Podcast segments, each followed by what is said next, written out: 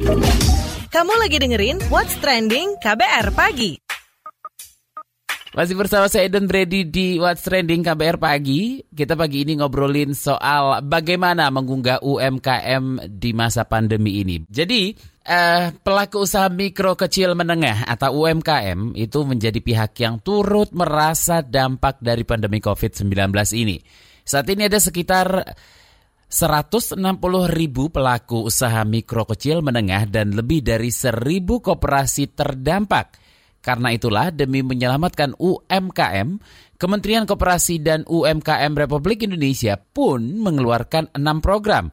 Program tersebut di antaranya relaksasi kredit, terus juga um, suntikan modal, dan ada stimulus daya beli UMKM.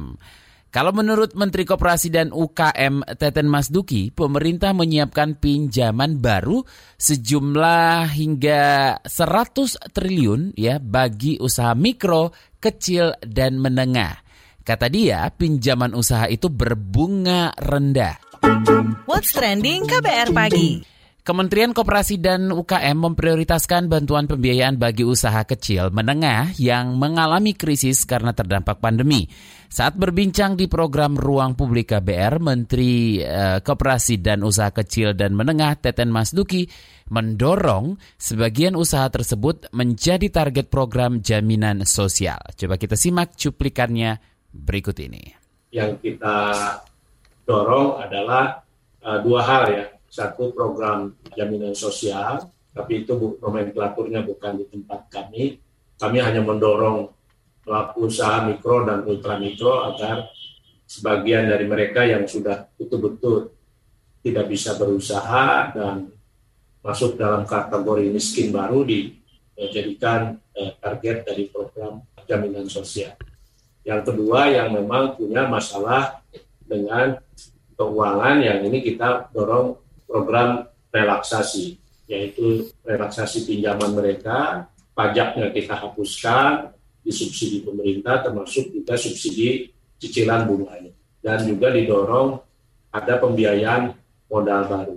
Saya kira pemerintah menjamin sekitar 80 sampai 100 triliun alokasi eh, pinjaman baru bagi UMKM dengan bunga yang murah. Yang kedua prioritas kita adalah karena dari UMKM yang terkena dampak COVID, ada sejumlah UMKM yang tetap bisa bertahan bahkan bisa tumbuh, yaitu yang pertama yang terhubung dengan ekosistem digital, terhubung ke marketplace online. Yang kedua UMKM yang melakukan adaptasi bisnis dan inovasi produk, menyesuaikan dengan permintaan market yang baru. Sayangnya baru 13 persen yang terhubung dengan marketplace online atau sekitar 8 juta pelaku usaha kita sudah diminta oleh Pak Presiden untuk percepatan digitalisasi UMKM dan kooperasi. Ini penting jadi 10 juta lah di akhir tahun. Mudah-mudahan bisa kelampaui.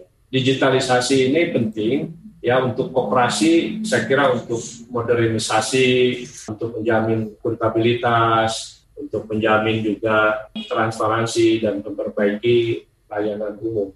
Itu dia tadi Menteri Koperasi dan Usaha Kecil dan Menengah Teten Mas Duki. Nah berikutnya kita harus dengar langsung nih dari pengusaha UMKM yang berjuang di masa pandemi ini.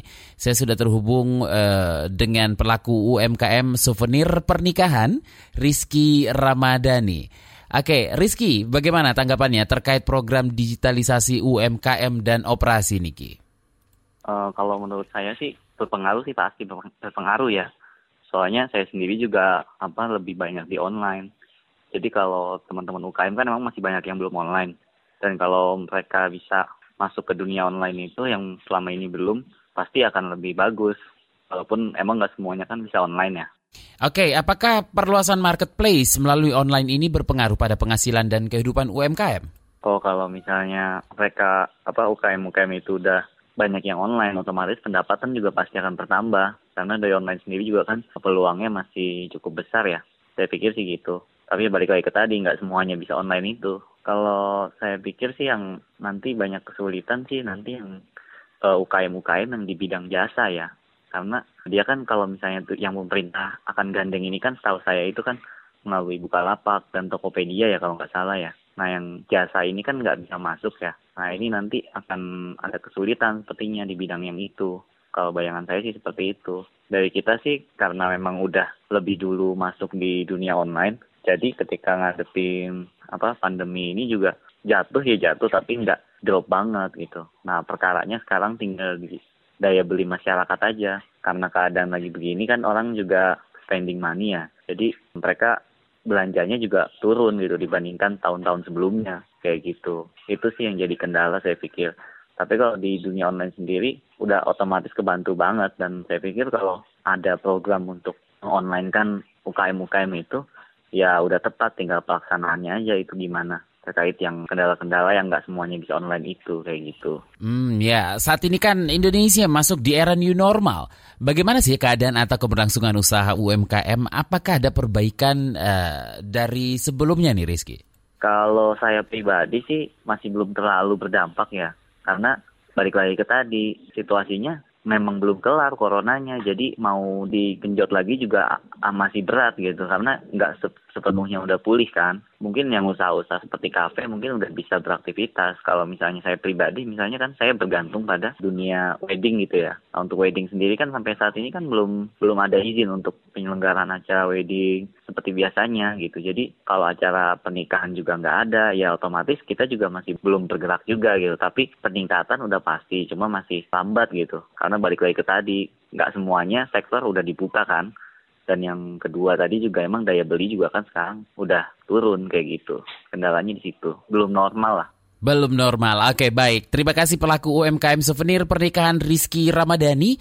Jadi buat teman-teman yang masih apa namanya usaha usahanya itu masih berjalan sekarang tetap semangat ya. Dan sekarang untuk mengukur seberapa efektif program pemerintah dan bagaimana semestinya menggeliatkan UMKM di masa pandemi ini, kita bedah bareng Direktur Eksekutif Indef Tauhid Ahmad. Mas Tauhid, Bagaimana nih Mas keadaan uh, eh, UMKM dan koperasi selama masa pandemi ini khususnya di era kenormalan baru di mana semua sudah mulai digeliatkan um, kembali nih Mas? UMKM dan koperasi kan dalam struktur ekonomi kita kan 60 persen PDB dan juga yang terakses ke perbankan mungkin sekitar 83 persenan ya. Kalau kita lihat yang mendapatkan restrukturisasi sekarang diperkirakan hanya sekitar 18 atau 19 persen. Jadi tidak semuanya mendapatkan karena tidak katakanlah tidak dari yang terakses perbankan hanya separuh yang eh, kemungkinan mendapatkan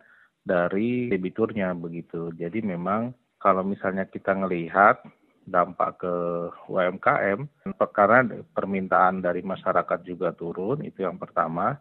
Yang kedua, mereka juga kesulitan bahan baku untuk mendapatkan karena sebagian daerah mereka terhantam oleh katakanlah PSBB, pembatasan dan sebagainya. Yang kedua juga karena hambatan fisik untuk melakukan proses penjualan dan sebagainya. Jadi yang masih bertahan memang UMKM yang eh, terakses ke layanan digital.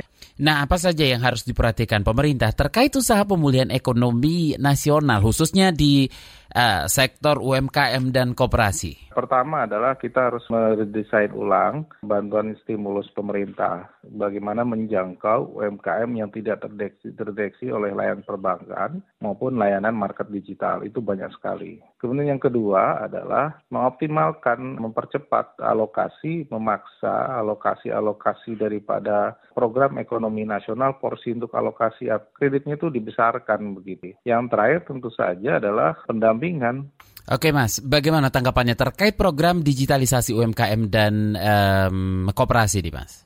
Saya kira perlu ya, jadi uh, penting. Jadi terutama UMKM, uh, saya kira itu uh, strategis ya, karena memang di tengah situasi begini UMKM digital itu menjadi hal fondasi yang cukup bagus. Baik, terima kasih Direktur Eksekutif Indef Tauhid Ahmad. Demikian kabar pagi hari ini. Jika Anda tertinggal siaran ini, Anda kembali bisa menyimaknya di podcast What's Trending di kbrprime.id. Akhirnya saya Don Brady harus undur diri dan sekali lagi ya ingat untuk selalu menjaga kebersihan dan mematuhi protokol kesehatan. Besok ketemu lagi. Bye-bye. Terima kasih ya sudah dengerin What's Trending KBR Pagi.